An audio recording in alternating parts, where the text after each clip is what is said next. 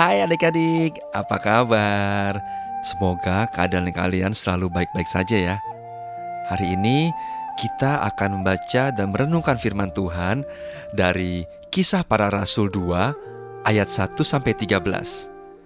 Oke, sebelum kita membaca firman Tuhan dan merenungkannya, kita berdoa dulu yuk. Mari kita berdoa.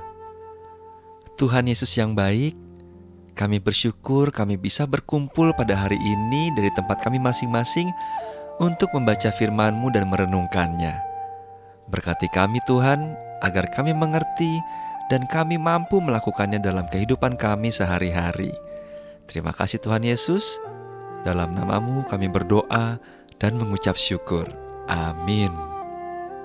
Renungan hari ini berjudul Pentakosta.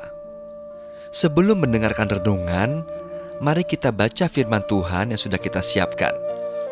Firman Tuhan diambil dari Kisah Para Rasul 2 ayat 1 sampai 13. Dengan judul perikop Pentakosta. Demikianlah firman Tuhan. Ketika tiba hari Pentakosta, semua orang percaya berkumpul di satu tempat. Tiba-tiba turunlah dari langit suatu bunyi seperti tiupan angin keras yang memenuhi seluruh rumah di mana mereka duduk. Dan tampaklah kepada mereka lidah-lidah seperti nyala api yang bertebaran dan hingga pada mereka masing-masing. Maka penuhlah mereka dengan roh kudus, lalu mereka mulai berkata-kata dalam bahasa-bahasa lain seperti yang diberikan oleh roh itu kepada mereka untuk mengatakannya. Waktu itu di Yerusalem diam orang-orang Yahudi yang saleh dari segala bangsa di bawah kolong langit. Ketika turun bunyi itu, berkerumunlah orang banyak. Mereka bingung karena mereka masing-masing mendengar rasul-rasul itu berkata-kata dalam bahasa mereka sendiri. Mereka semua tercengang-cengang dan heran, lalu berkata, "Bukankah mereka semua yang berkata-kata itu orang Galilea?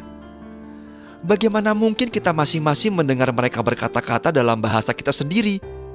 Yaitu bahasa yang kita pakai di negeri asal kita. Kita orang Partia, Media, Elam, penduduk Mesopotamia, Yudea dan Kapadokia, Pontus dan Asia, Frigia dan Pamfilia, Mesir dan daerah-daerah Libya yang berdekatan dengan Kirene, pendatang-pendatang dari Roma, baik orang Yahudi maupun penganut agama Yahudi, orang Kreta dan orang Arab, kita mendengar mereka berkata-kata dalam bahasa kita sendiri tentang perbuatan-perbuatan besar yang dilakukan Allah. Mereka semua tercengang-cengang dan sangat termangu-mangu sambil berkata seorang kepada yang lain, "Apakah artinya ini?"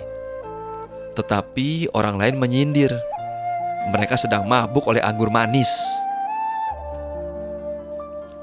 Sahabat Yesus, saat Pentakosta, para rasul atau murid-murid Tuhan Yesus dan orang-orang percaya lainnya sedang duduk berdoa berkumpul di sebuah rumah. Tiba-tiba terdengarlah bunyi seperti tiupan angin keras dan tampaklah lidah-lidah seperti nyala api yang bertebaran dan hingga pada mereka masing-masing. Maka mereka semua penuh dengan roh kudus dan mulai berkata-kata dalam bahasa-bahasa lain yang sebelumnya tidak pernah mereka pelajari. Orang-orang dari bangsa lain yang saat itu ada di Yerusalem heran karena rasul-rasul dapat berbicara dalam bahasa mereka dan memberitakan perbuatan-perbuatan besar yang dilakukan Allah. Seperti rasul-rasul saat Pentakosta berani bersaksi tentang Allah, apakah sahabat Yesus juga berani bersaksi atau memberitakan perbuatan-perbuatan besar Allah yang sudah sahabat Yesus alami kepada keluarga dan teman-teman?